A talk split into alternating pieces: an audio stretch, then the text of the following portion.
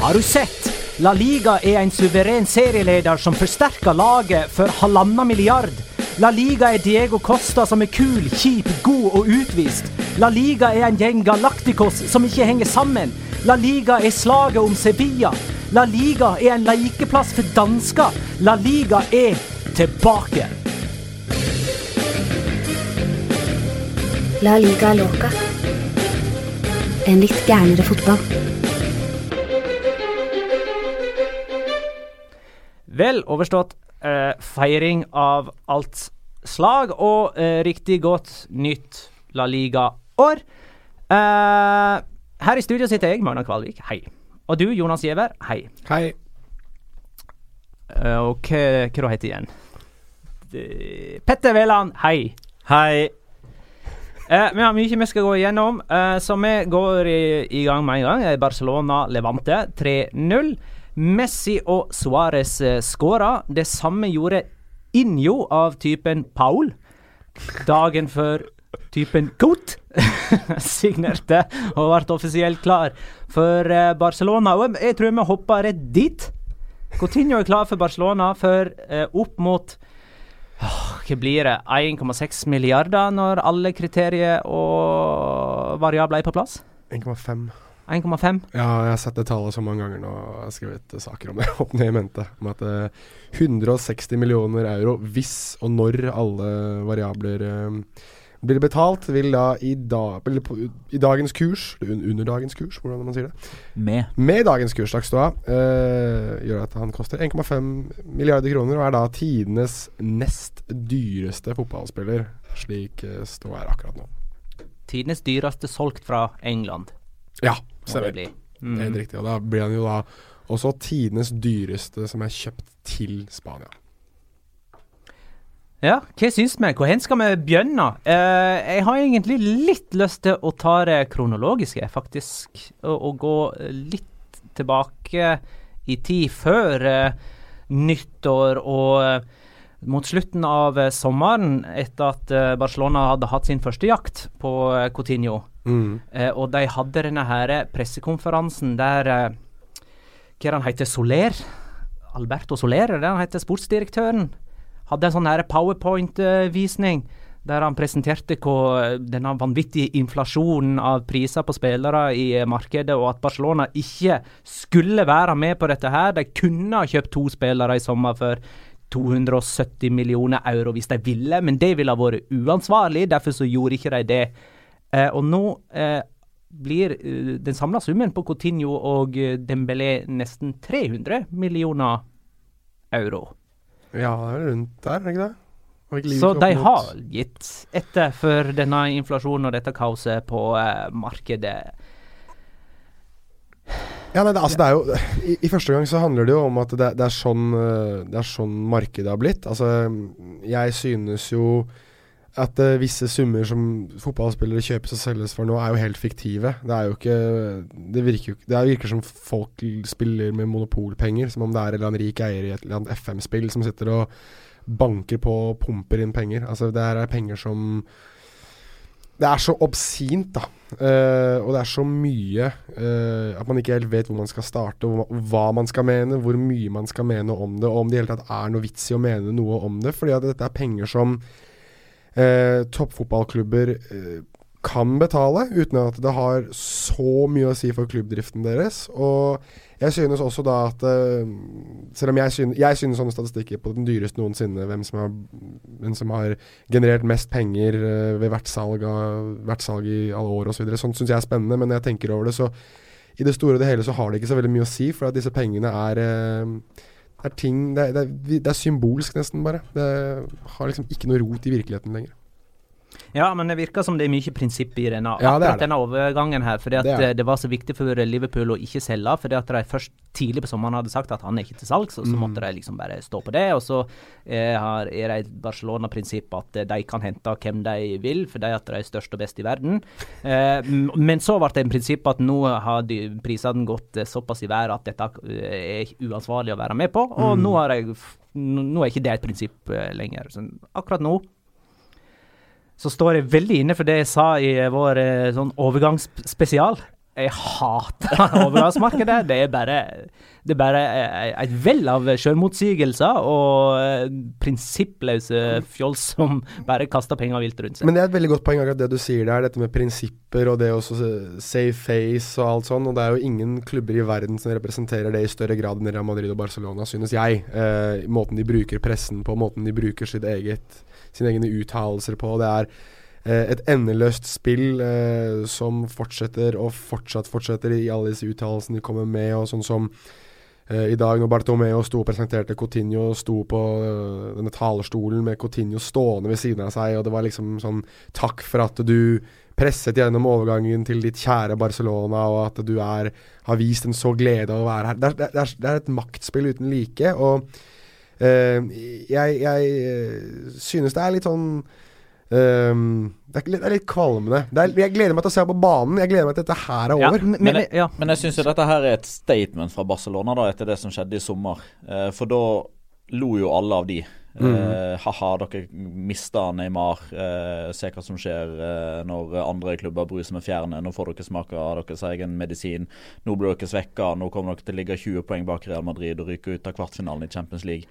Ja. Jo, men det er jo der statementet er fram, fra da og fram til jul. Der de bare fosser av gårde og dominerer La Liga etter salget av Neymar, og uten å ha kjøpt Coutinho. Det er der statementen er. De kjøpte jo Dembélé. Ja, ja. Det er en enorm fortjeneste, og de klarte så fint uten han òg, for den del. Ja. Jeg føler det der er statement. Det er ikke det at når jeg kjøper Coutinho, så er det, det Ja, men Da er det ty tydeligvis ikke nok, da. Barcelona skal være klubben som alle ønsker å dra til, ikke ønsker å dra fra. Nei, jeg tror jeg, jeg veld, Det er et utrolig interessant poeng du kommer med der, Magnar. For det er virkelig et statement. Det at alle sammen Vi snakket jo om det i de første episodene våre, om at det var Barcelona som visstnok skulle ha alle problemene sine og ikke fikk kjøpt noen ikke klarte noen ting, og det var kaos på, på, på kontorene, som var, og så spilte de fantastisk fotball. Mens Real Madrid skulle være de som hadde alt på stell og alt bra på kontorene, og alt sammen var i orden, og så spilte de horribel fotball til tider. Så det, var jo, det er jo det som virkelig var statementen. Det var jo det som var interessant, det som på en måte var kanskje en viss form for seier da, for fotballen, mer enn en disse storkjøpene og, og, og pengepumpingen inn i fotballen. Men så er jeg veldig enig i det du sier, Petter. At ja, det er et statement, for samtidig så sier det at uh, we're still here. Altså, vi, vi, kommer ikke til å forsvinne. Uansett, uansett hva dere gjør. Dere kan kjøpe Neymar for 222 millioner euro og ta fra oss den som kommer til å bli verdens beste spiller om de neste, neste tre, fire, fem årene. Men vi kommer fortsatt å være her, og vi kan fortsatt hente inn de største spillerne. For det mange trodde, var jo at så fort Neymar forsvant, så kom også Coutinho-interessen til å forsvinne. Fordi Neymar og Coutinho har en så lang historie. De er veldig gode venner. De har spilt på ungdomslandslag sammen. Det var liksom en sånn broman som skulle hentes til Barcelona og ta de inn i den neste generasjonen. Nå har de fortsatt hentet Coutinho. Vi er fortsatt store nok til at han vil hit, kontra hvor som helst andre klubber.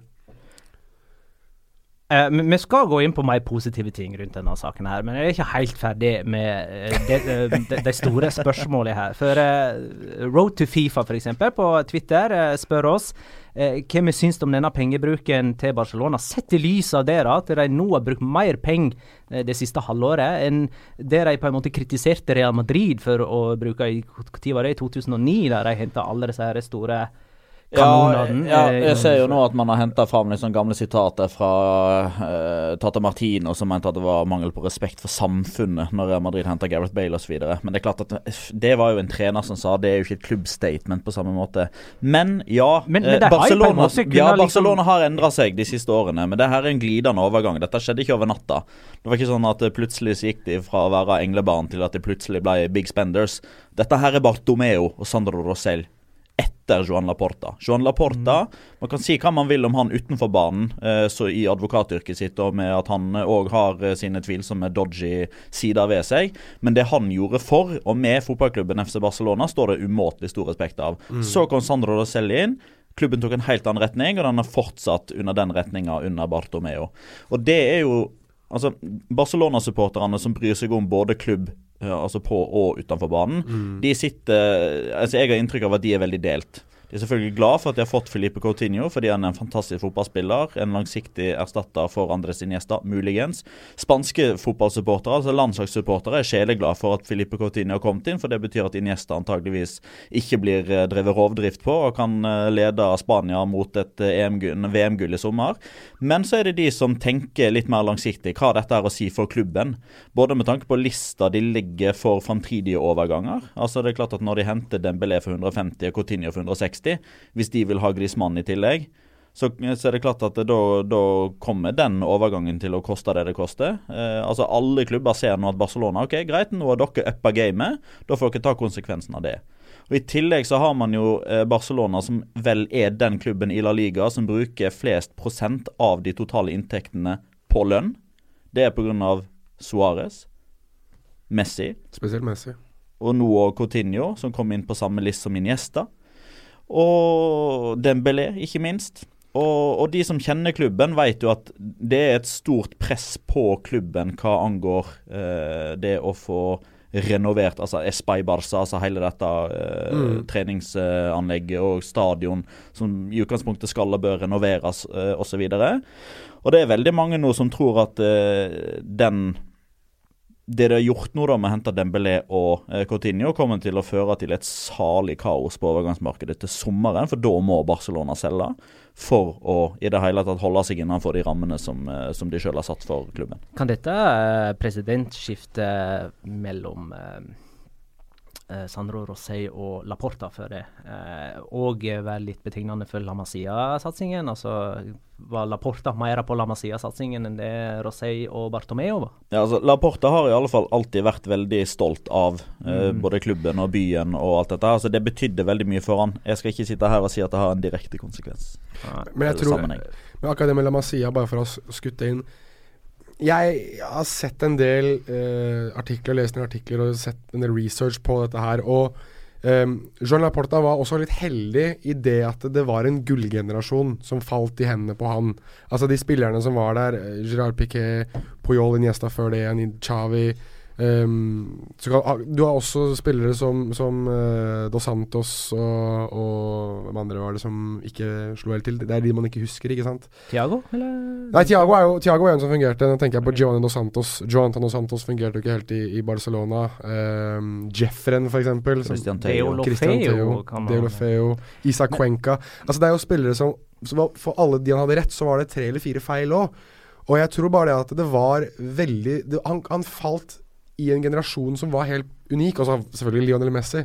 Altså det, det, det, var Du kommer aldri til å se en sånn generasjon noen ja, gang igjen, tror jeg. Ja. Det er noe med satsingen òg, får jeg inntrykk av. Det er mulig. Jeg vet ikke om Geir Halvor Kleiva får svar på spørsmålet. Han, han, har stilt eh, Ja, det er jo ganske nylig hva? Jo, men han var jo ny Messi.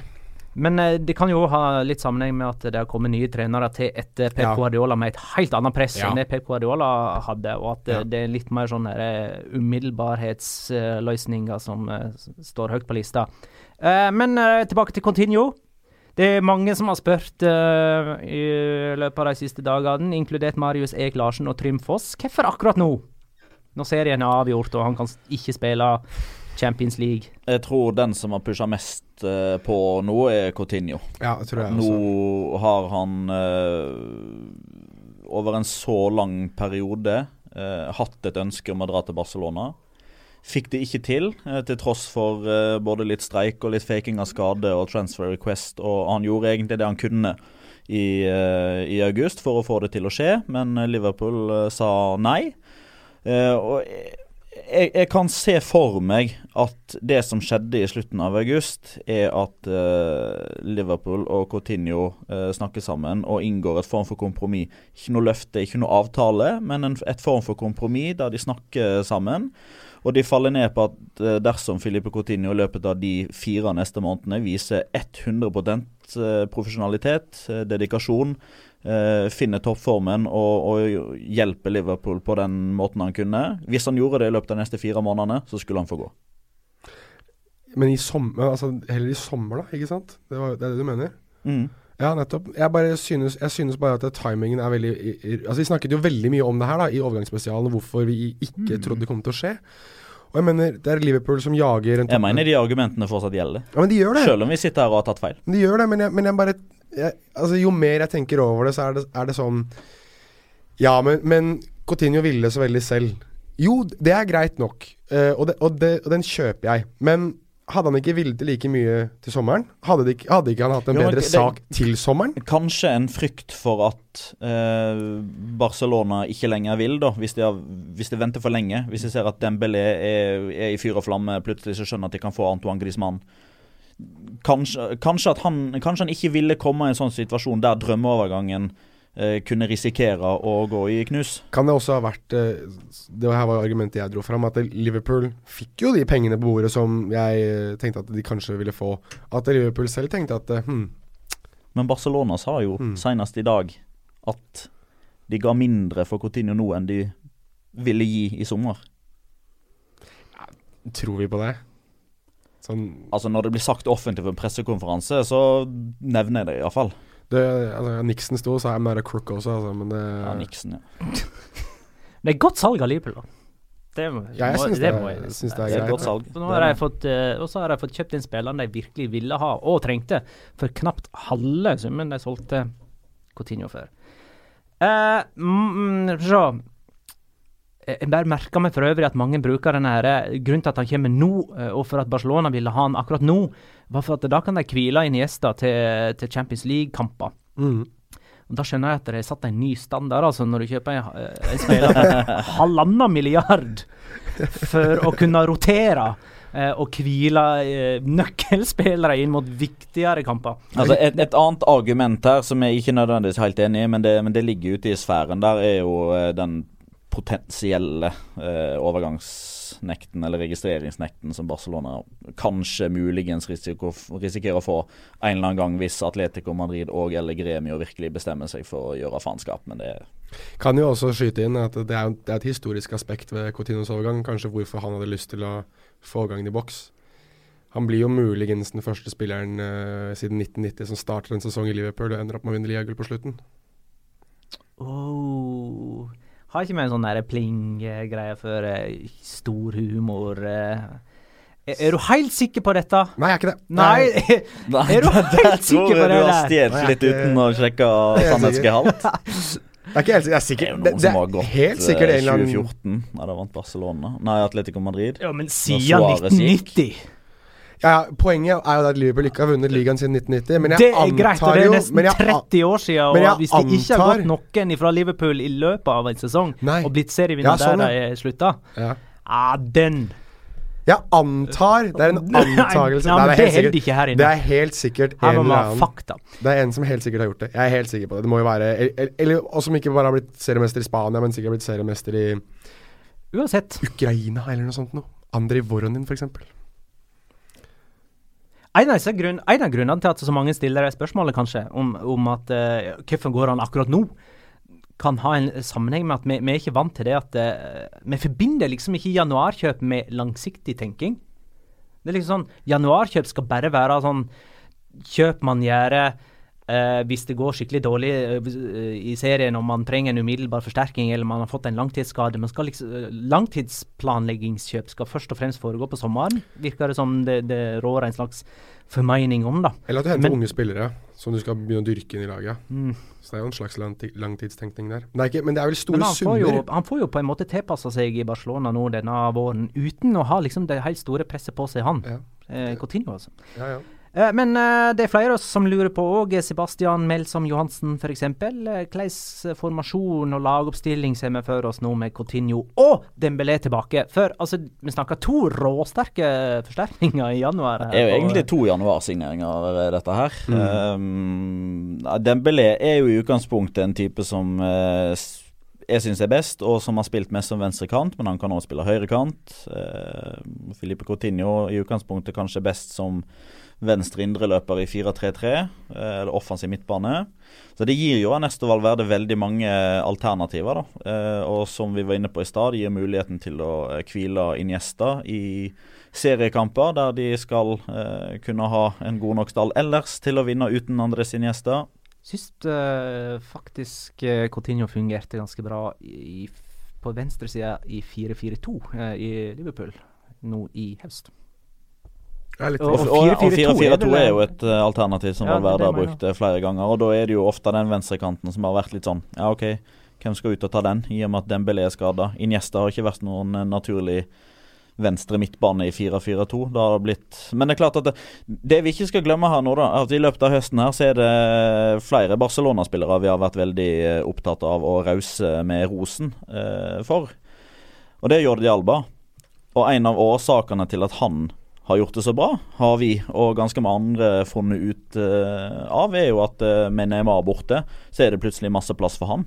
Som mm. gjør at han kan boltre seg, som ja. gjør at han blir med fram og har nå seks målgivende pasninger. Den viktigste jobben til Coutinho er jo ikke stå i veien for samarbeidet Alba-Messi. For det er utrolig bra. Han må bare flytte seg.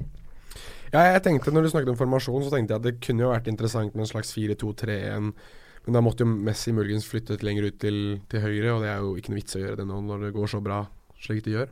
Men jeg, jeg antar jo det at Jeg, jeg tenker det at det gir, det gir, så ekstremt mange formasjons- og rotasjonsmuligheter. Og når vi har snakket om hvordan Valverde er en pragmatiker og som klarer å tilpasse seg motstandere og tilpasse seg sitt eget lag så godt som han har, så det er jo både luksusproblem, men samtidig tror jeg han synes det er utrolig spennende å kunne tinkle litt med laget her og se hvordan det går. Nå har de jo på mange måter så, så har de jo vunnet La Liga allerede, så han har jo masse muligheter til å Masse muligheter og masse kamper til å vri og vende på det laget og se hvordan det går. Du kan ikke ditche Paulinho, i alle fall. Nei, jeg synes ikke det heller. Han har skåra sju mål. Altså Nå viser det jo så godt at den, eh, den, skaden til Coutinho var jo faktisk reell. Så han er ute i tre uker nå. Han kommer ikke til å debutere før i slutten av januar.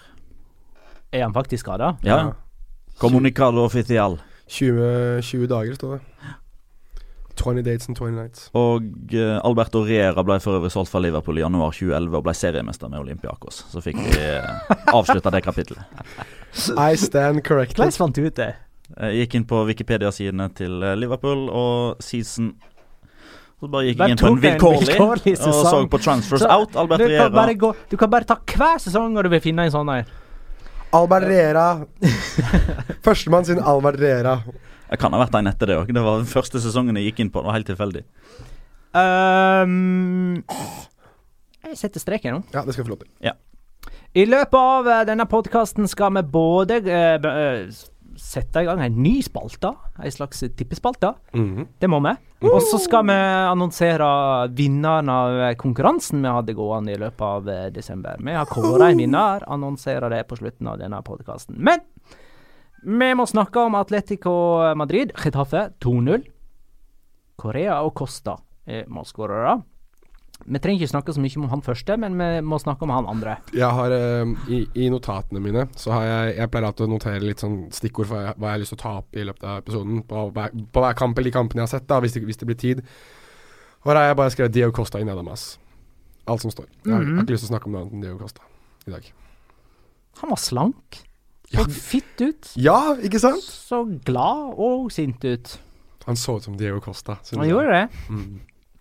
Og det var så deilig å det, se. Ja, bare, det bare slo meg at det, uh, det var flere år som påpeka at han hadde ikke fått rødt kort i La Liga siden 2010. Mm -hmm. Og det var ikke så mange røde han fikk i Premier League heller, var det vel? Han fikk noen, eller iallfall ett. Tror fikk, uh, Nei, ikke Premier League. Noen, ja. Nei, han fikk i cup, cup ja, for fikk, Chelsea. Okay. men ikke han, Premier League. Nei, nemlig. Og det er det som har vært greia med han. At han har alltid klart å holde seg akkurat på grensa til rødt kort, uten å bikke over.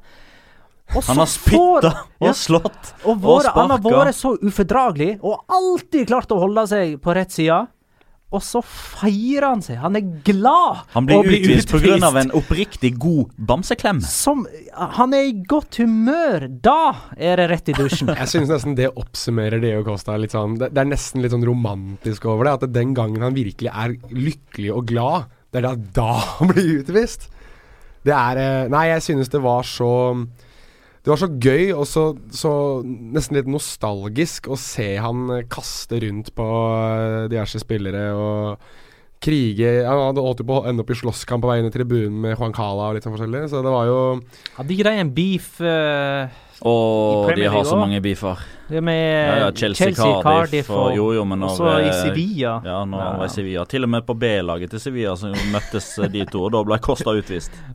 Så det er liksom det, er, det, var så nydelig å se, da. Og, og, litt sånn hyling og skriking, og han så lidenskapelig eh, glad ut, for å si det sånn. Men det er liksom det Diego Costa tilfører, da, for å bruke Simiones uh, ord, det er frykt ja, hos motstanderen. Mm -hmm. Miedo. Altså de, hvis du er midtstopper, da, så vet du at de neste 90 minuttene så skal du ha Diego Costa bjeffende rundt deg i 90 minutter, med albuer og med knotter og med hoftesving og med utstående rumper, og det er jo absolutt ingenting den mannen der ikke byr på. Og spyttklyser og det som er. Altså, jeg, jeg synes jeg vil jo ikke på noen som helst måte promotere skittent spill, uh, og det er litt viktig å gjøre, synes jeg, men, men, han er en karakter. Og han er en figur og en person med så mye karisma og så mye utstråling at uh, han gjør egentlig bare La Liga og spansk fotball enda rikere. Og det er både på godt og på vondt, men det er Dio Costa. Han er litt god, og så er han litt vond. Og sånn skal det være. Og det er For fantastisk gøy å ha han tilbake igjen. Og så, og så er det òg den han, han, er, han, blir jo på mange måter bindeleddet mellom de spillerne som er ute på banen, og de som står og hyler og skriker på tribunen. Mm. Fordi Altså, Jeg er ganske sikker på at dette her eh, hadde vist seg å stemme om vi hadde tatt noe forskning på det. Men eh, hvis eh, Kevin Gameiro blir lagt i bakken, eh, da er det x antall desibel fra tribunen med, med buing og gi kortdommer og sånn. Når Diego Costa blir tatt, opp 20% minst. Men, fordi det er Diego Costa. Men det, er også, men det er også litt fordi at hvis Diego Costa blir lagt i bakken, så reiser han seg opp igjen med en gang, og så er han oppe i ansiktet på alle spillere som gjør det. Ja, ja. Fordi han får folk med seg, han får i gang et engasjement. Og akkurat og det passer Atletico Madrid veldig godt. Ja, og det får også i gang spillerne rundt han. Det er noen som jeg, det er noen som jeg egentlig tror er litt undervurdert. Altså, han er, han er en jævel, men han er vår jævel. Altså er, han, han, han, er sånn for oss. Det, det, er, det, er, det han prøver å, å, å, få fram. Vår lidenskap er liksom strømmer litt gjennom han, både på banen og som du sier de på tribunen, men sikkert også for Diego Costa og, og Mono Burgos på sidelinja òg. Hva syns vi om det andre gule kortet? Helt greit. Det er, det er etter regelboka Jeg ble spurt om dette her av en kompis av meg uh, etter kampen om hva jeg tenkte om det. Og etter regelboka så er det overdreven feiring, det er, og det blir sett på som usportslig. Og det er et riktig Det er ikke usportslig, det er farlig. Er det det? Det er derfor uh, det er farlig. Det kan skape situasjoner der uh, publikum blir skada. Okay, ja, Og for så vidt spilleren, sikkert. Det, det er greit. Ja. Drakta av. Det, det blir regna som usportslig. Det er ikke okay. noe fare med. Men uh, Jeg var sikker på at det også ble regnet som usportslig, at det var overdreven feiring. Er det jeg har fått forklart for meg tidligere, men det kan godt være at du er Da, da er, det, da er det noe hvis du er oppe med, med en finger eller noen sånne armbevegelser eller sånne type ting. Hvis du provoserer. Ja. Når du går for å feire med dine egne supportere, det fins ikke noe sportslig i det.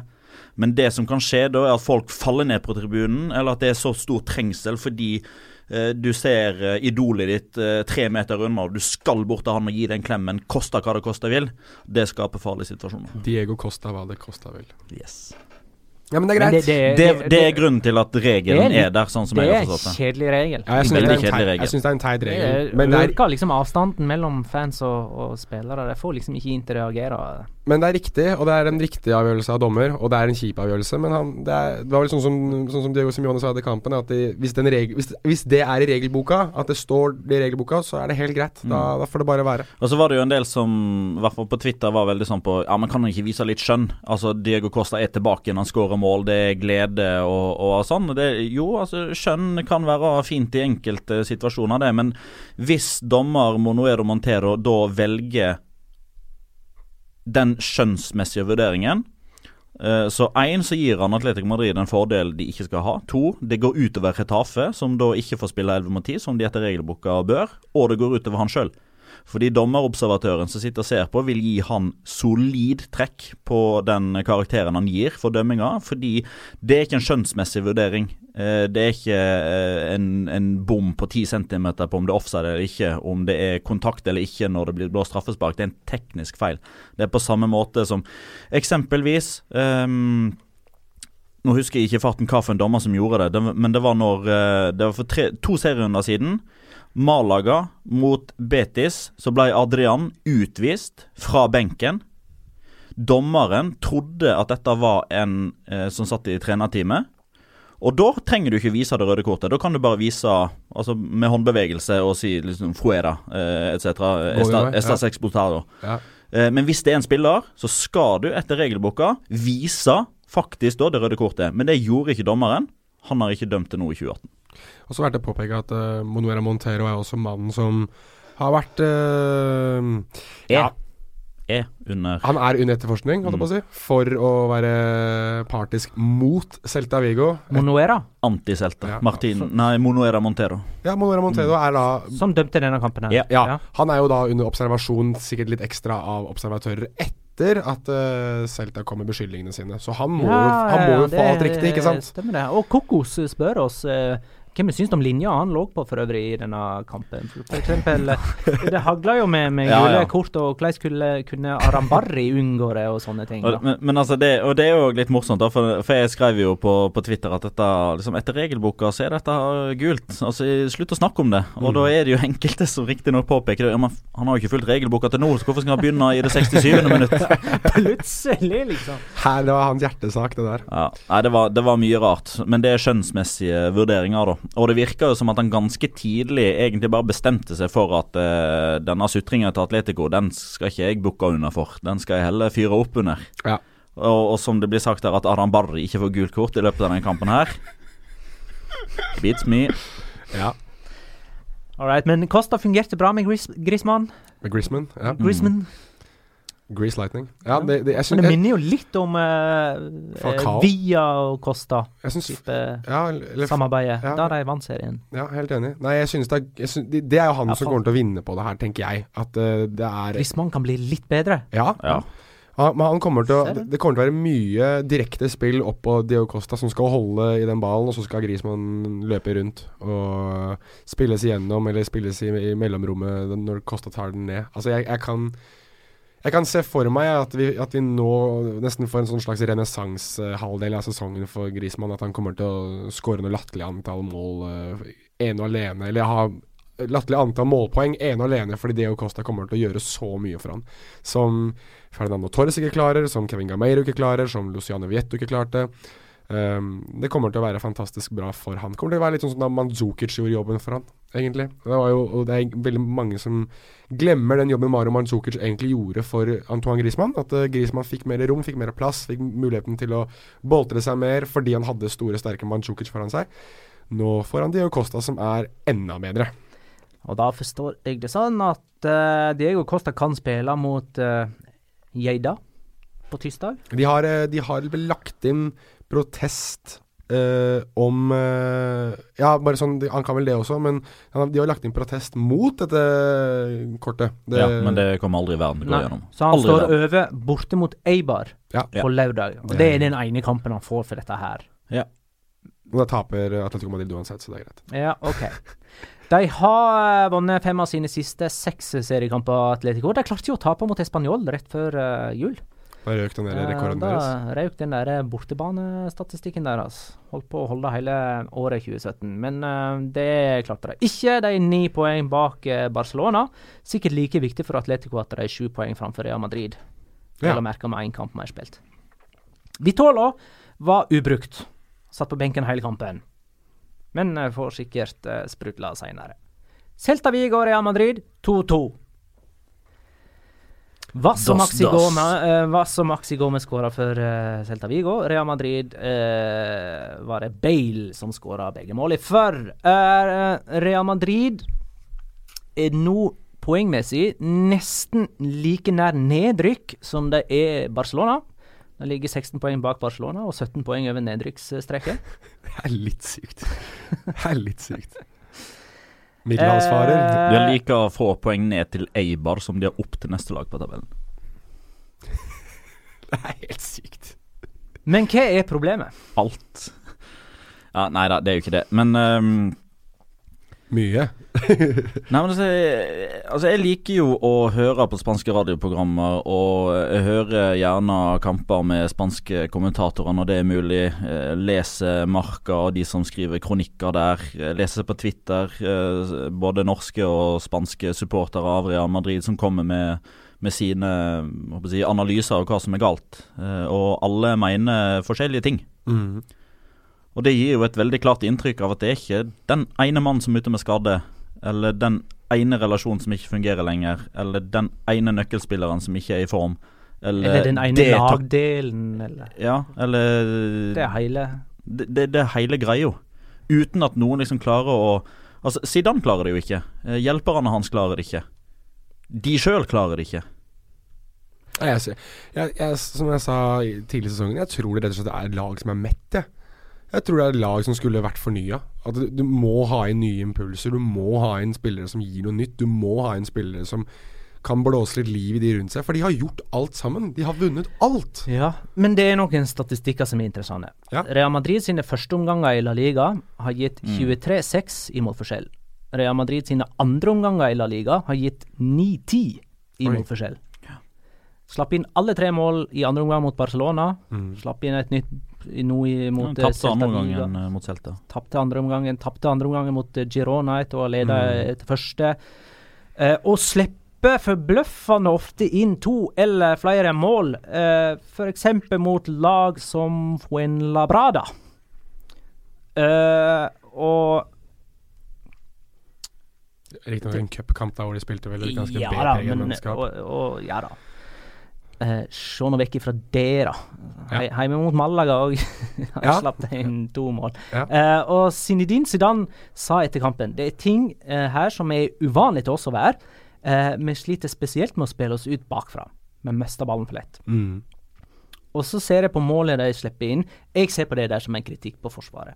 Eh, delvis òg eh, den defensive midtbanen, at det mangler noe bindeledd her. Hva tenker du på 2-2-skåringa her nå? Nei, han, Når Zidane sier at vi sliter med å spille oss ut bakfra, vi mister ballen for lett, ja. da, da, har jo ballen begynt bakfra ved keeper, og så via forsvar. Ja, sånn, ja, så, sånn, så jeg, jeg, ser en kritikk der, sånn, som han ikke går ut og sier sånn, det er Forsvaret sin feil, men, men det, det, det jeg ser mellom linjene her. Og jeg ser òg at Marcelo mista ballen eh, rett før 2-2-skåringen og er ikke seg sjøl i det hele tatt. Jeg ser òg at Maxi Gomez er dønn alene innenfor femmeter idet han heada inn 2-2. Eh, mm. Uh, så hva jeg, jeg, føler at det er liksom Forsvaret som egentlig får veldig mye av uh, dritten, da. Mm. Uh, og fortjener det.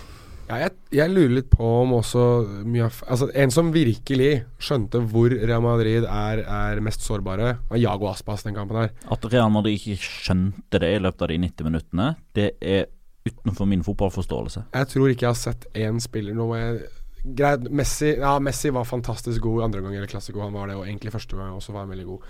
Men jeg tror ikke I denne sesongen her har jeg vel ikke sett noen enkeltspillere som har vært så dominante i 90 minutter mot Real Madrid. Altså, han, han gjorde, alt i, i, angrep for uh, Celta. Han satte opp spillere hele tiden. Kom, møtte i, i mellomleddet. Altså, Casemiro visste jo ikke hvor han var hen, men, men det er jo én ting at han kanskje skal ta ut rom Casemiro, men at han i tillegg skal vite hvor Jago Aspas er hele tiden. Han fikk jo ikke noe hjelp. Jeg mener, Da, da Modric trakk litt dypere, så hadde han litt mer hjelp. Og så ble Modric tatt av banen. Og så forsvant all hjelpen, og så kom jo 2-2. For Modric fikk jo, fikk jo, hele det laget der til å fungere eh, utover i andre omgang ved, ved, å altså, roe ned tempo, prøve å spille seg opp til angrep. Det var et par sjanser Cristiano Ronaldo hadde, osv. Men, men så fort han forsvant ut av banen, så forsvant all balanse i det Real Madrid-laget. Så jeg, jeg, eh, jeg, vet ikke helt. Men, men, det kan jo godt være at det igjen er et ankepunkt til det vi snakket om, om at Zidane har lyst til å være litt for smart for seg selv. Vi har jo ikke snakket noe om, om uh, eller vi har jo snakket veldig lite om El Clásico, rett og slett fordi vi ikke har mm. vært her.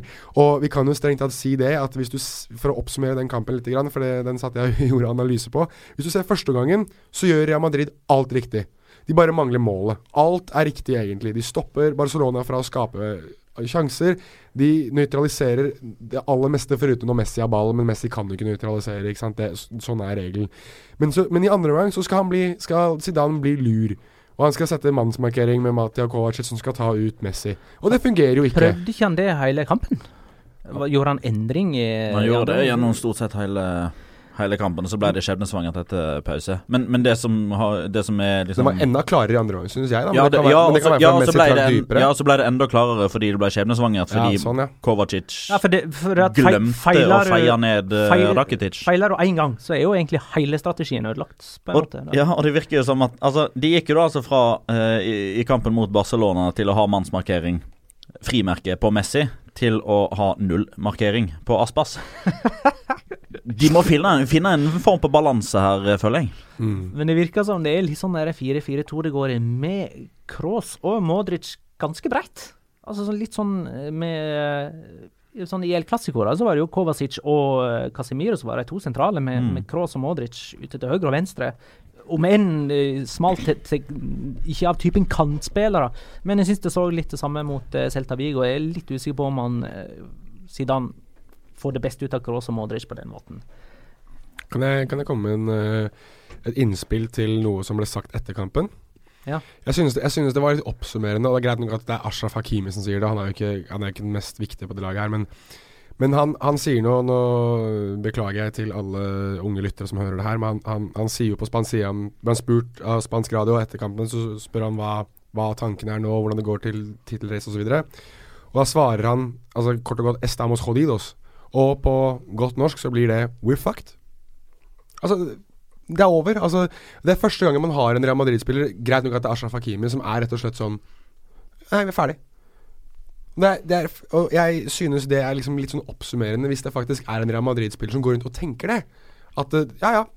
Men, that's it. Men, ja, men Jodidos har vel dobbel betydning, så det betyr jo òg litt sånn at nå er vi altså typ, vi er mentalt eh, veldig svake. Altså ja. vi ja, i, i, i, den settingen her så fikk jeg mer inntrykk av at han sa det at dette her Altså, det er ikke noe hva, hva mer skal vi gjøre? For Han ble jo spurt om Ja, dere har så og så mange poeng bak, dere har spilt sånn og sånn og sånn, dere har gjort sånn og sånn og sånn denne kampen mm. her, og sånn. Og, og, da var liksom Han bare sto bare og så, liksom, og så sa han bare det, og da Å ja. ok. Ja, det er liksom Det er så kapi, altså, de kapitulerer så Hvis de har gjort det, da.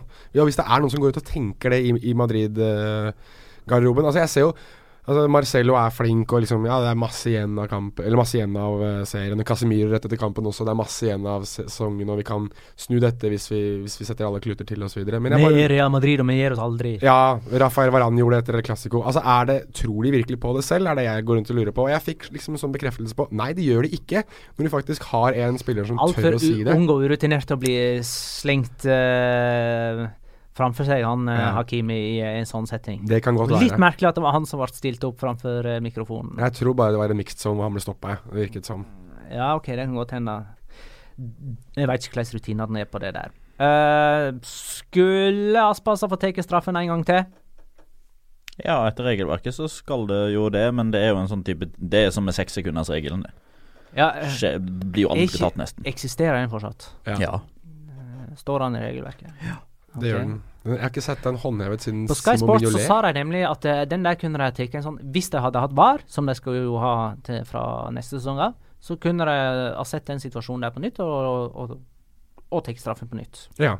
Kan jeg bruke VAR? Uh, hvis jeg kan bruke VAR til det der, det de. da vil det endre keepernes atferd på straffespark ganske radikalt i året og, og, det, og det som er si, ekstra, med, ekstra, spesielt med den situasjonen, er at hvis dommer faktisk hadde gjort det, så hadde Kelo Navas blitt utvist. Han hadde det, for han fikk gullkort for å felle han av Aspas til den uh, straffen, og ville ha fått gullkort for å ta et steg ut. Ja. To-tre steg ut på ja. selve straffesparket. 2-2. Fortjent eh, poeng for Celta Vigo. Kanskje hadde de til og med fortjent eh, mer, eh, tatt i betraktning at de bomma på straffe. Men så hadde jo Lucas Vasques og Cristiano Ronaldo sjanser på 2-2 òg til å drepe det for Real Madrid sin del. Kan vi snakke om Daniel Wassens skåring, vær så snill? Ja, vi kan godt gjøre det. Han er dansk, han.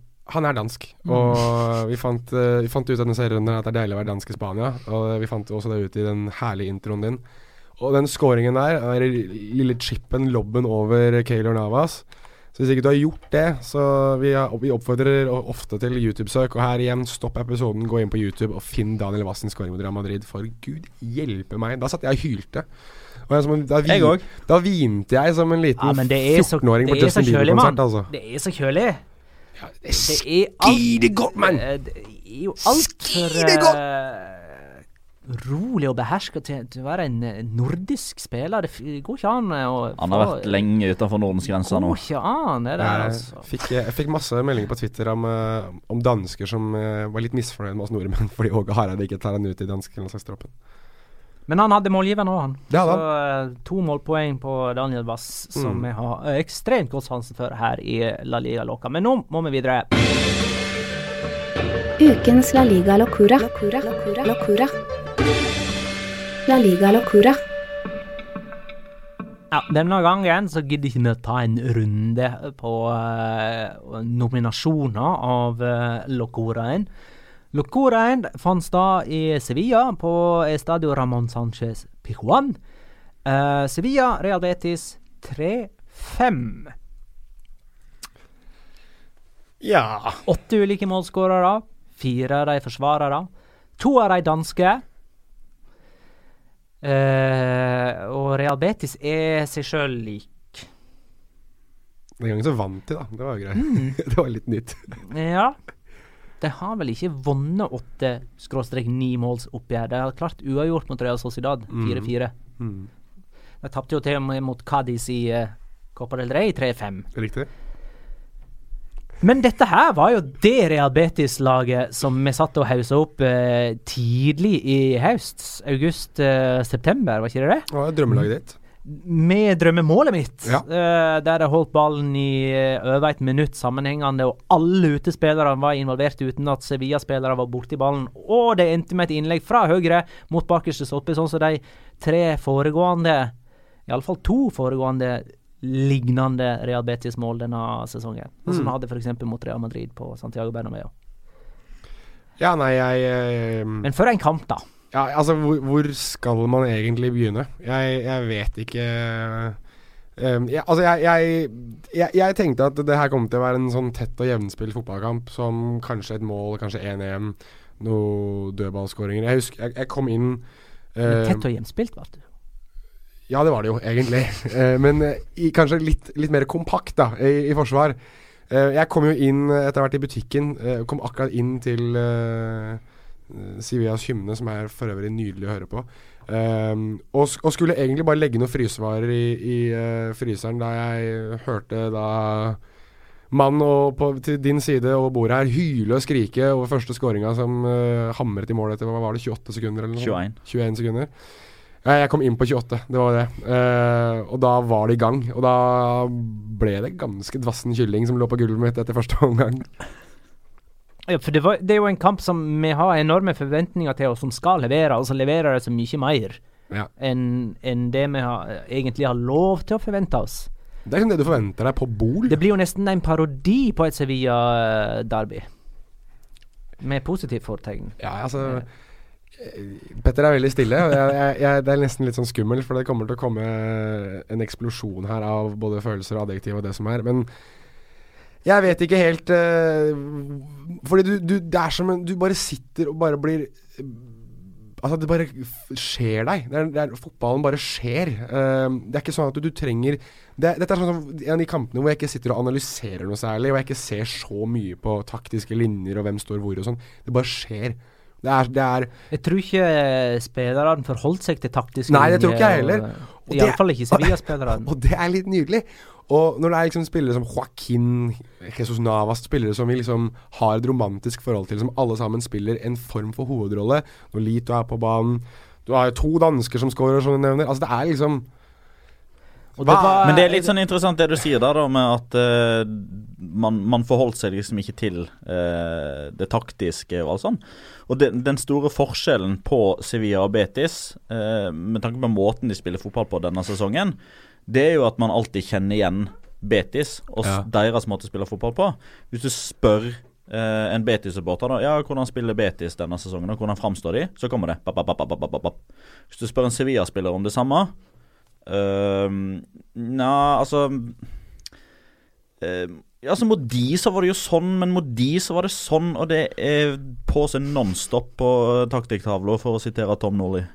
Ja, det er, men det er jo også verdt å påpeke, det er også noe som har skjedd mens vi har hatt vår lille ferie, er jo det at Eduardo Berizzo har fått sparken, og inn har Vincenzo Montella Comet. Dette er hans første seriekamp som uh, Sevilla-trener. Herlig debut, altså. Mm. Ja, det var vel noen som spøkte med det. At uh, 'here today, gone tomorrow'. Etter at han uh, klarte å slippe inn fem mål på hjemmebane mot Betis. Det må jo ha vært en marerittstart. Og jeg lurer på Jeg, jeg håpet at noen skulle komme med en statistikk. Jeg fant ikke noe svar på det selv. Det må jo ha vært den treneren som har sittet kortest tid i en klubb, altså i kamp, da, og før å ha sluppet inn mål. Altså Det tok 21 sekunder som La Liga-trener.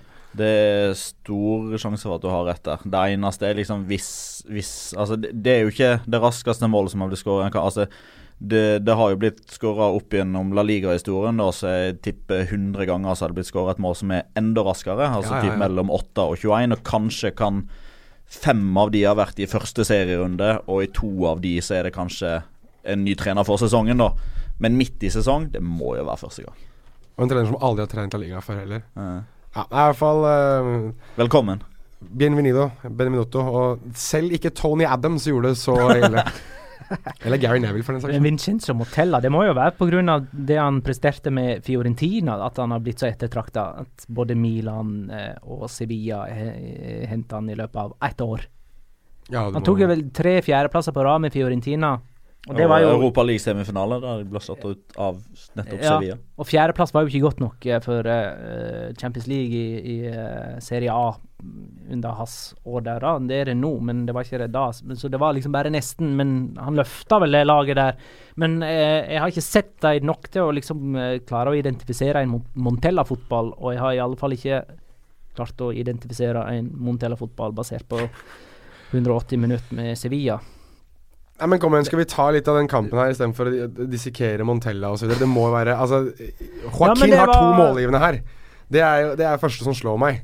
Altså, Flaggbæreren selv til Real Betis, altså mannen som nylig har signert ny kontrakt, som uh, sa etter kampen at de som drar hjem før klokka fem, de får bot i morgen. Altså mannen på hva er det, 36? 35. 35. Altså, han er uh, Nei, jeg, jeg, jeg, blir så glad. Jeg blir så, jeg blir så nyforelska i fotballen igjen når jeg ser sånt. Og de feirer jo som om de hadde vunnet et uh, stort uh, trofé. Og gjett hvem, hvem, som feirer hardest. Altså Hvis du ser de videoene, ja, ja. så er det én mann som står og hopper hele tiden, og det er Joaquin. og Joaquin hadde vel Montella som trener i Fiorentina, hadde han ikke det? Det hadde han vel kanskje mm. også, ja. Så det, og da var kanskje var han som solgte han òg, muligens. Kan jo være det. Eller fikk han til å dra, i hvert fall. Men det sier jo ganske mye om Real Betis og, og deres lidenskap, fansen og spillere og hele pakka, at det var 13 000 på trening dagen før Sevilla-derby. Mm. Og det var jo liksom den perfekte ramma med hellige tre kongers dag, som jo står høyt. Og rundt omkring i, i Spania så var det faktisk ganske mange tomme seter pga. Uh, feiringen, antagelig. Mens uh, i Sevilla så var det eh, tjåka fullt og, og eh, rift om eh, billetter. Og eh,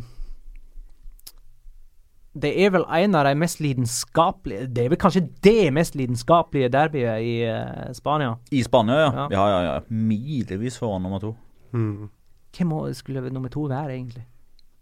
Altså Basker-derbyet har ikke den samme altså nå, nå, skal ikke vi snakke ned de andre, altså for det er mange flotte derbyer her, men det er bare da, det Sevilla Betis det, det, det, tar det liksom to hakk eh, mm. ekstra opp. altså det, det, må være Atletico Madrid, Real Madrid på Wanda Metropolitano i så fall. Ja, det er jeg enig med deg i. Og så er altså Andalusianere, altså nå er jo da Sevilla og Betis er jo da begge fra Andalusia. Og er, de folka der er jo og det kan du spørre dem selv om. De anser jo seg selv som nesten et eget folkeslag i Spania. Altså har vi jo mange folkeslag i Spania, men, men, de er noe helt eget. De er noe helt eget. De er lidenskapelige, varmblodige. De er eh, De og, og eh, folk fra Kanariøyene er de som ofte sammenlignes mest med søramerikanere hva angår det å være litt sånn ekstremt lidenskapelige overfor visse ting. Og de, eh, de, er det. De er, eh, og de er et uh, veldig velkommelig folkeslag, holdt jeg på å si. Så hvis man noen gang drar til Sevilla, så kan man alltid passe, eller vite at det er noen som kommer til å passe på at du har det bra. For det er, de, det er også noe de er veldig opptatt av. At folk som kommer og besøker dem, får en del av deres kultur. Og de bjuder jo på i bøtter og spann. Og når du ser eh, lidenskapen og gleden og sorgen og det som er eh, etter 3-5 på Ramón Sánchez Pizjuan, så understreker vel det det meste. Jeg må si jeg så ikke det resultatet der komme. Ikke bare Nei, med, med, at det ble åtte mål, men at Real Betis skulle vinne borte mot Sevilla med eh, tomålsmargin. Det så jeg ikke. Eh, Første hjemmetap siden november 2016. For eh, Sevilla, Sevilla, ja. Som gikk gjennom hele 2017 uten tap hjemme. Uh, og så er det vel første gang siden 50-tallet eller noe at Real Betis skåra fem mål på Ramón Sánchez Picuan. Eller iallfall borte mot Sevilla. Om du spør statistikken. Ja, første gang gjennom tidene, vel? Ja, var det første gang gjennom tidene til I hvert fall Lilla Liga. Da. Eh, de klarte det én gang i, i Copa del Rey på Kan jeg ha vært på 40-tallet, mon tro. Da 5-3 var et ganske vanlig resultat. Ikke sant. Det var for øvrig Durmisi og eh, Simon Kjær som var de to danskene som skåra det. Risa Durmisi har spilt nå halvannen sesong i Betis. Han har skåra to mål, begge mot Sevilla. Der har du oppskriften på hvordan du blir en legende i grønt og hvitt. Og det var han som uh, avslutta den 3-2-skåringen som var det lange, herlige angrepet. Ja, det var uh, Nei, det var moro. Det er, jeg, jeg, som sagt, jeg klarer ikke å Men, men skal vi begynne å tro på Betis eller noe sånt, eller var dette bare sånn typisk Betis skal som kan i, Skal vi gå i den fella igjen? kan, vi ikke, kan, vi ikke, kan, vi ikke, bare bli enige om at uh, Betis sånn uh, fire til åtte ganger denne sesongen kommer til å være en opplevelse? At det bare er en opplevelse. Ja, De har jo fem allerede, har de ikke det? Ja, jeg sier fire til åtte. Jeg er liksom litt ja. sånn slingringsmonn. Vi ikke halvveis engang. Nei. Kan vi ikke heller bare Tosifra? Ah, det var gøy. Ligger på tiendeplass med 34 baklengsmål. Det er bare Deportivo og Las Palmas, Las Palmas som har flere baklengs. Eh. Jeg liker det. og Sevilla det er nummer fem og minus fire i målforskjell.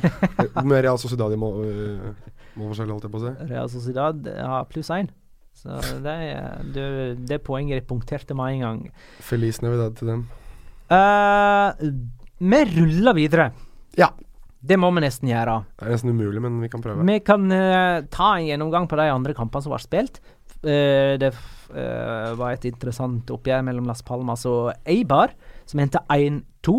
Noe som gjør at Eibar har sju Sorry, det blir seks seire og én uavgjort på de siste sju kampene.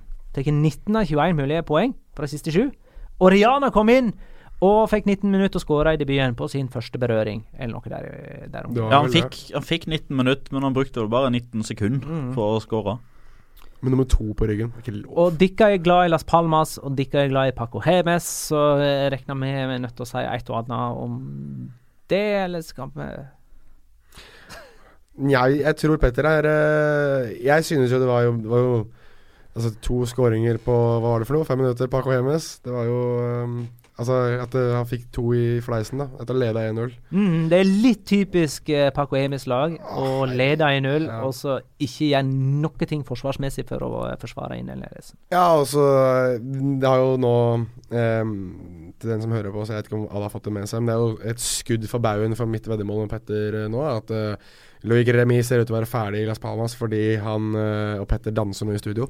Fordi uh, Paco Hemmes mener at han ikke er dedikert nok til, til klubben, og det er jo uh, Jeg støtter jo det. Jeg støtter ikke at han skal la han gå, ikke gi han en ny sjanse, men hvis han så forsvarsspillet til Mauricio Lemos på, på 1-2-skåringen, så kanskje han burde følge Loic Remy ut døra.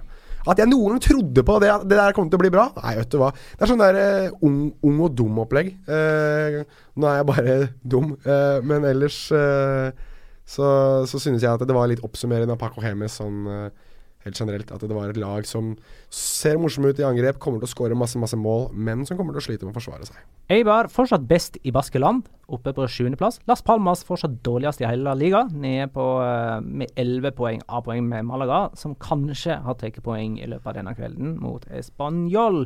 Sergi Samper klarte for øvrig å sette seg på sin egen ankel i fart. Det betyr eh, store vridninger og alvorlige skader. Han er ute resten av sesongen. Og dermed så er vel låneoppholdet hans i Las Palmas mm. og avslutta. Tror jeg vel nesten dessverre kan si han ute resten av året, faktisk. Ja, den var, den var litt den lei å se på den der, altså. Ja, det er, ja, det er vel han, han, brakk vel skinnbeinet Leggbeinet Legg. og uh, røyk leddbåndet i ankelen. Ja. Både ankel og legg, da. Nei, Det er sykt. Uh, du uh, nevnte uh, så vidt basketderby i stad, Petter. Da mener du nok Atletic Real Sociedad, men det var ja. jo et annet basketderby denne runden. Atletic Alaves 2-0. Echeita og Adoris skåra. Atletic er plutselig oppe på åttendeplass uten tap på sine siste sju seriekamper, og seier i tre av sine siste fire. Og noe av det moroe var jo Jerai som liksom er tilbake etter mm. kreftbehandling igjen. Og fikk, hadde masse hår på hodet og fikk jubel av publikum da han varma opp. Eh, men kom ikke innpå. Moro. Mm. Kanskje verdt å skyte noe for Alaves sin del. John Gudetti er eh, ja. signert. Jeg hadde jo egentlig tenkt at vi skulle ta en liten overgangsrunde sånn på ting vi veit eh, siden sist, men uh, OK. Ja, Gudetti skal til Alaves på ja. lån Utsesongen? ja, det ja. er det vel. Med opsjon på kjøp? Nei. Nei. Ok. Det er ikke informert om, i hvert fall. Det pleier å bli informert om i Comunicado Oficial. om jeg er der. Andreas Bryn spør kan det bli kok? Kok blir det. Om det blir bra kok, det er jeg litt mindre sikker på. Men vi, vi venter jo liksom på en frigjort uh, Jon Gedetti i La Liga, for det er jo en karakter, det òg, med uh, potensial og ja, kapasitet. Da. Jeg liker Super Gedetti. Uh, han er jo altså en veldig fattig mann, Diego Costa, da, men det, det, skjer ting rundt han hele tida. Han òg er liksom den typen som blir han uh, mokka ned, så reiser han seg kjapt og skal konfrontere vedkommende som gjorde det. Mm.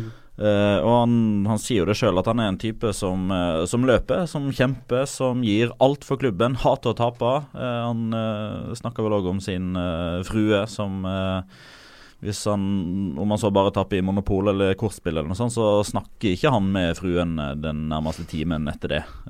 så det er jo en, en vinnerskalle, og akkurat det tror jeg passer Alaves veldig greit å få inn. Fordi Hvis man ser på de offensive spillerne Alaves har, så er de litt små, de er litt spinkle, de er litt spake. Det er ikke de som uh, kjefter høyest eller smeller mest inn i taklingene. Det er det midtbane og forsvar som gjør der. Mm. Altså Monir han har vokst veldig på meg de siste to månedene. Han kommer ikke til å miste noe plass til Gidetti. Det blir i så tilfelle en duo der framme med store, sterke Gidetti og spirrevippen Monir som driver og løper rundt. Så er det jo antageligvis Bojan som blir skadelidende av at Gidetti kommer. Bojan er visstnok, eh, om ikke ferdig, så har han i hvert fall veldig lite tillit av Abelardo. Ibai Gomez er ganske liten, Borgi er ganske liten, og i tillegg ute med skade nå en, eh, noen ukers eh, tid. Så jeg tror det er, det er gode muligheter for at eh, Gidetti i hvert fall da skal få muligheten til å spille seg til en, uh, en fast plass. For øvrig en utrolig kul teknosang som nå kommer til å flytte litt på seg, da. Flytter uh, til Baskeland. Leganes Real Sociedad 1-0. Gabriel Perez skåra. Amrabat hadde karantene. Det har han uh, en stund til. Nei. Han, skulle han bare ha den ene kampen? Kun én kamp. Spesielt. Skåra i cupen. Men han fikk jo to gull og rødt, det var det. Skal ikke ha mer enn én kamp for det. Dreiv ikke han og banka opp noen på uh, Det er en politisak. Ja, ikke en uh, fotballforbundssak. Det, det, er jo litt merkelig, er ikke det? Det, det skjedde det han, spil, han spilte jo og skåra mot Villarreal i cupen uh, for uke siden. Og vet du hva? Nå skal jeg si, skal jeg si deg Du lanserte Villarreal som nedrykkskandidat. Nå får du støtte. Altså. Når Amrabat skårer på Villarreal, da er det bare å rykke rett ned. Ja, De rykker ut av cupen. Det er greit. Det er notert. Ja, begge deler.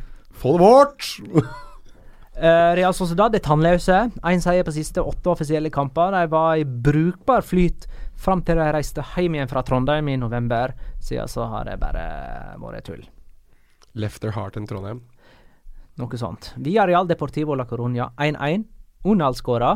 Han har vel kommet inn som en slags Bakambu-erstatter, eller eh, hvordan er det der? Nei, han ble henta tilbake igjen eh, fordi eh, Sansone har vært ute med skader en god stund, og fordi gjennom hele høsten så har Vireal-spillerne ligget mer på sykehus enn i trening, bortimot. Så det var en, en sånn troppvurdering. Og Bakambu, som du sier, skal til Kina. Ikke offisielt bekrefta ennå, men det, det skjer. Uh, og de har henta inn Roger Martinez uh, fra Kina. Bare sånn for å holde den eh, Kina-linken uh, gående som hans erstatter. Kjempesmart butikk av Viareal, som bare gjør alt jeg kan for å gjøre alvor av den nedrykkstrusselen jeg har hengt over dem siden august. Helt enig. Få det bort! De har klart å karre til seg 28 poeng. Kun 13 poeng ned til Alaves ser, eh, ser skummelt ut, dette. Altså. Fire seire og én uavgjort nå på de siste 20 kampene. Resten tap. De er fire poeng bak Real Madrid, regjerende Champions League. Eh, Rykker ned med 41 poeng, akkurat som i 2012. Valencia Girona 2-1. Hva har gjort deg? Porto det, det, er riktig å si. Porto. Porto. Porto. Porto. Eh, sendte Girona i ledelsen. Ramaljo uh, utligna med et sjølmål. Flott fornavn på han. Han har flott fornavn. Jonas Ramallo. Ja, ja, ja. ja. Parejo skåra på straffe. Den straffen var klar. Og en god, var en god straffe for en gangs skyld også. Ja, ja, La Liga har slitt litt med straffespark. Ja, det er det. Eh, Marcellino med sånn nakkekrage, eller nakkestøtta etter kollisjonen eh, på vei hjem fra altså, Ler du? Nei, jeg synes OK, ta, ta Men han, han, sa etter den der at, eh, at alle tre som satt i den bilen, starta livet på nytt etter den uh, ulykka. Altså, selv om det ikke var sånn skikkelig alvorlig, så, så er det skjellsettende. Men har du lyst til å si hva det var de uh, kolliderte Nei, med? Nei, fortell. Jo, det var en sånn der uh, røyskatt eller stinkdyr. Litt, litt større. Litt større. Litt sterkere. Et, et, villsvin. Villsvin var det. Ja. Mm. Det jeg lo av, bare for å ha sagt det, var at han, øh, han har jo ikke verdens største hals eller nakke uansett, Marcelino. Og når han i tillegg hadde den der kraven på, så så han bare helt sammenklemt ut. Det var liksom ja, det er Petter inviterer han her i studio. Nakkestretch. ja, det var litt sånn Han så veldig ube... Altså, du, du, ser jo ikke bekvem ut med en sånn en uansett, men han bare så så ubekvem ut, som livet bare var helt pyton å leve. Så det um, Nei da, jeg, jeg, synes, eh, jeg synes uh, Girona var veldig gode i den kampen. her Jeg synes de hadde fortjent å i hvert fall få med seg uavgjort. Fordi gud bedre og mye gode innlegg uh, de slår inn. Og, og Stuani og, og Porto og, Altså de, de, de, river seg løs fra alt og alle uansett. De. Det er jo Ingen hadde kontroll på de inn i boksen, og de skulle i hvert fall hatt en scoring til, om ikke to. Jeg synes det fortsatt er et eller annet som ikke stemmer i det Valencia-laget. At det er de har, de har, egentlig ingen klar uh, leder innimellom. Altså, og det er litt rart å si, for nå har jeg, nå har jeg sagt at de mangler Geders, de mangler uh, Garay, de mangler Parejo. Nå har de jo alle sammen tilbake. Geders er jo fantastisk, og det er jo greit nok. Og det er han som ene og alene gjør at de skårer, uh, at de får utligningsmålet. Men jeg synes Garay er, er tannløs. Jeg synes Parejo ikke viste seg like god som han har gjort tidligere i sesongen. Um, og de klarer ikke, å, de klarer ikke også å, å, å um, avgjøre kampen overhodet. Over de inviterer Jonah inn og er litt heldige, synes jeg. Vieto debuterte. Kan bli spennende å følge. Er det for øvrig Hold fra Atletico. Ja, Petter, har du for øvrig noen gang hørt om Har det noen gang vært en annen spiller i, i Girona som har hett Mojica til etternavn? Eller er han den siste mohikaner? Vær så god, gå videre. Yes, vi kan ta overgangsnytt. Vi har etablert uh, Gidetti. Jeg prøver ikke å le engang, uh, av høflighet. Hvordan er det med Kepa til Real Madrid? Der uh, er det liksom motstridende rapporter. Zidane uh, sa jo før pressekonferansen Eller under pressekonferansen før kampen mot Celta Vigo at han ikke trengte en keeper nå. Mm -hmm.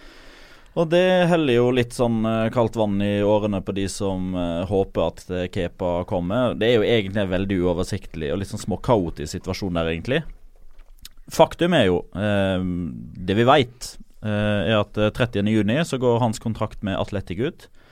Atletic har forsøkt i 15-16 måneder å forhandle med han og hans agent om å signere en ny kontrakt. Han har en utkjøpsklausul på 20 millioner euro.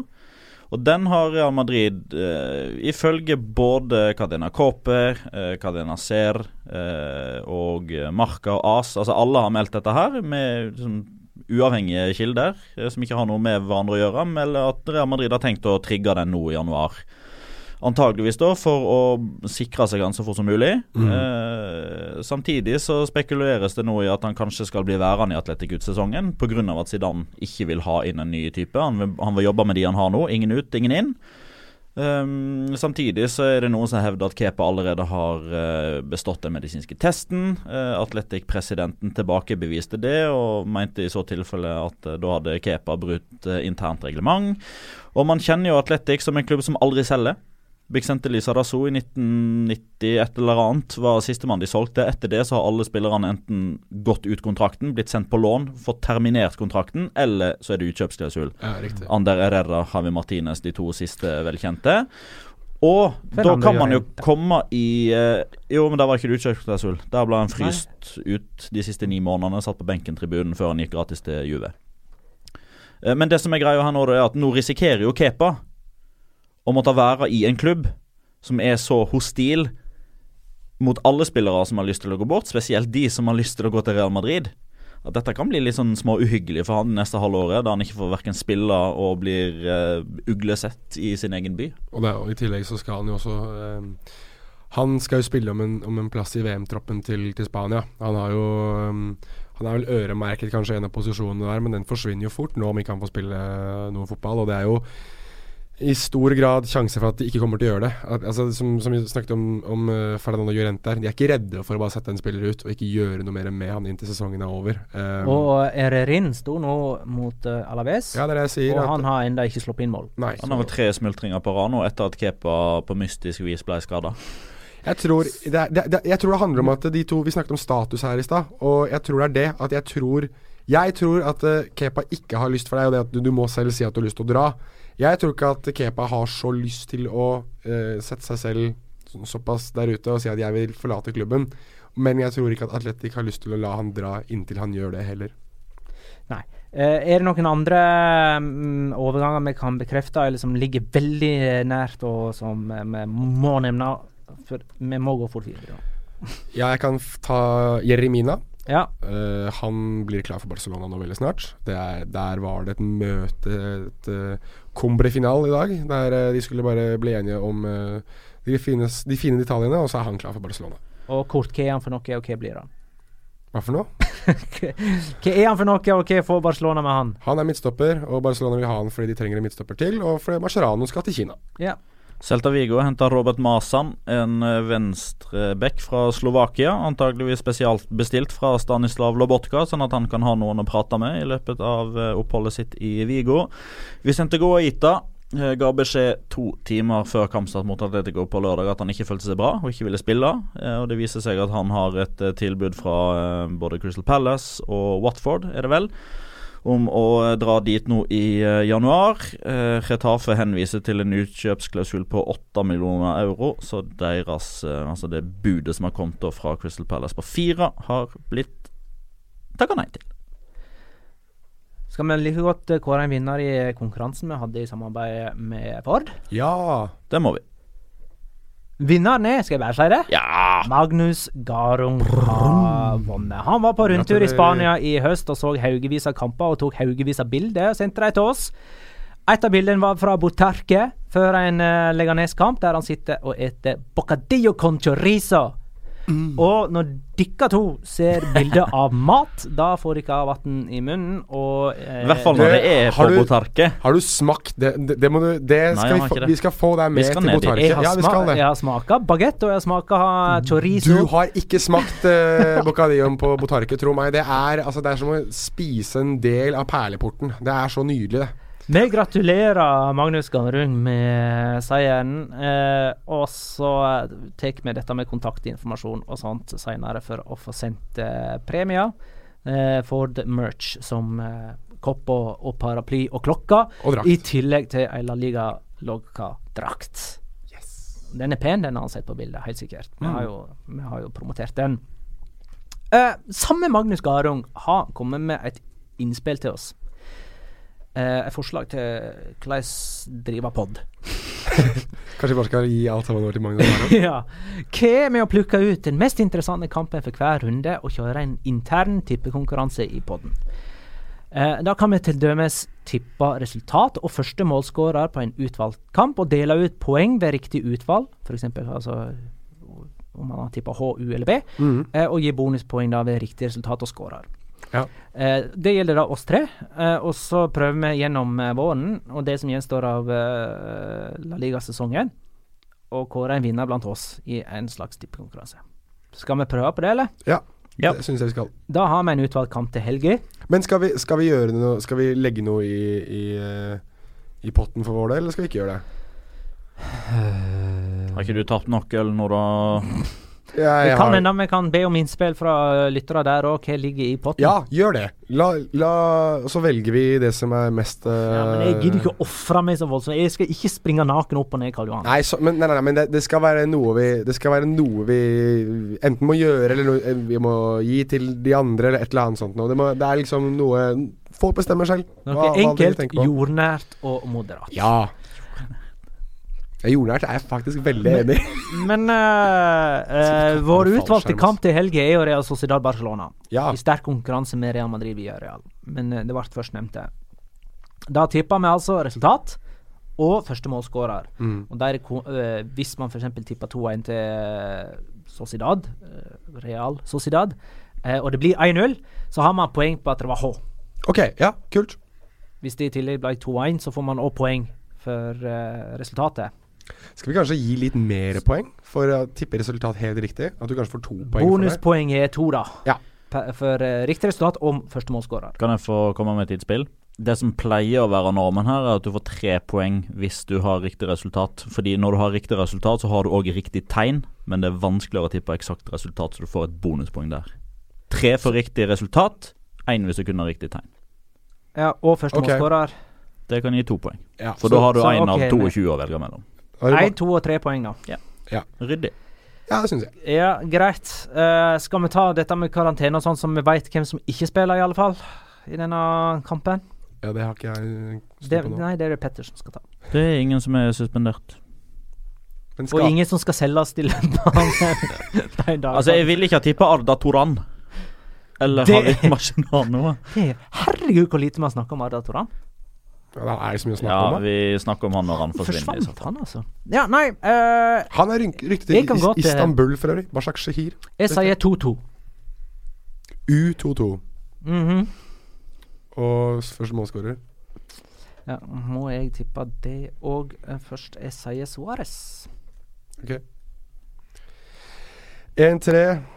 Jeg tror Barcelona vinner. De har jo, de har jo for vane å slite på, på Anuetta, så det kan jo fort være at det blir eh, et bananskall som er faktisk å markere hele Word-dokumentet og slette alt jeg hadde.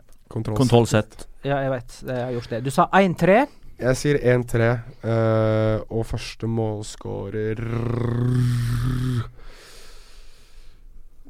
Messi. Uh, jeg tipper Real Sociedad 1, Barcelona 2. Første målskårer blir William José. Eneste som tipper Real Sociedad som skårer først. Mm. Uh, og da er vi enige om at uh, hvis det skulle bli 2-2, så får ikke Petter poeng for at Barcelona skårer to mål. Niks. Nei. Da får du Du tippet 2-2. da får du tre poeng, og meg og Jonas får null. Og Hvis han da i tillegg har Luis Suárez første målskårer, så får han totalt fem, fem. ikke sant? Ja. Mm. ja. OK. Nei, men da har vi en konkurranse gående. Gratulerer, Magna. Du vant. Mm. Jeg veit. Men uh, kjører du, du har dokument på det nå? Mm. Ok. Men da, som sagt, da må igjen minne eh, lytterne om å, å sende inn uh, forslag, edruelige og jordnære forslag til hva vi kan gjøre for noe. Eller hva Må det være den ultimate taperen, da, eller taperen ned? Enten så må jo vinneren få noe av de to andre, eller så må taperen gjøre et eller annet. Taperen, altså sisteplassen? Ja. ja. Eller da, begge deler. At andreplassen bare ikke gjør noe som helst. Da vet vi i hvert fall det at uh, det har, det har, lytterne har mange Vi åpner for innspill der òg. Mm. Ja. Kreat, bruk deres kreative hjerner. Ok, det var godt å være tilbake. Godt mm. å starte et nytt år. Mm. Vi takker for følget. Håper det blir med videre. Og så husk uh, Husk alle disse teite tingene jeg sier på slutten med å gå inn og rate, like og sånt noe på Facebook og iTunes. Uh, fem stjerner og kommentarer hvis du har lyst til det. Følg oss på La Liga Loca Pod på Twitter og Facebook. Creativemidfielder.co.uk for uh, T-skjorter. Ha det, da.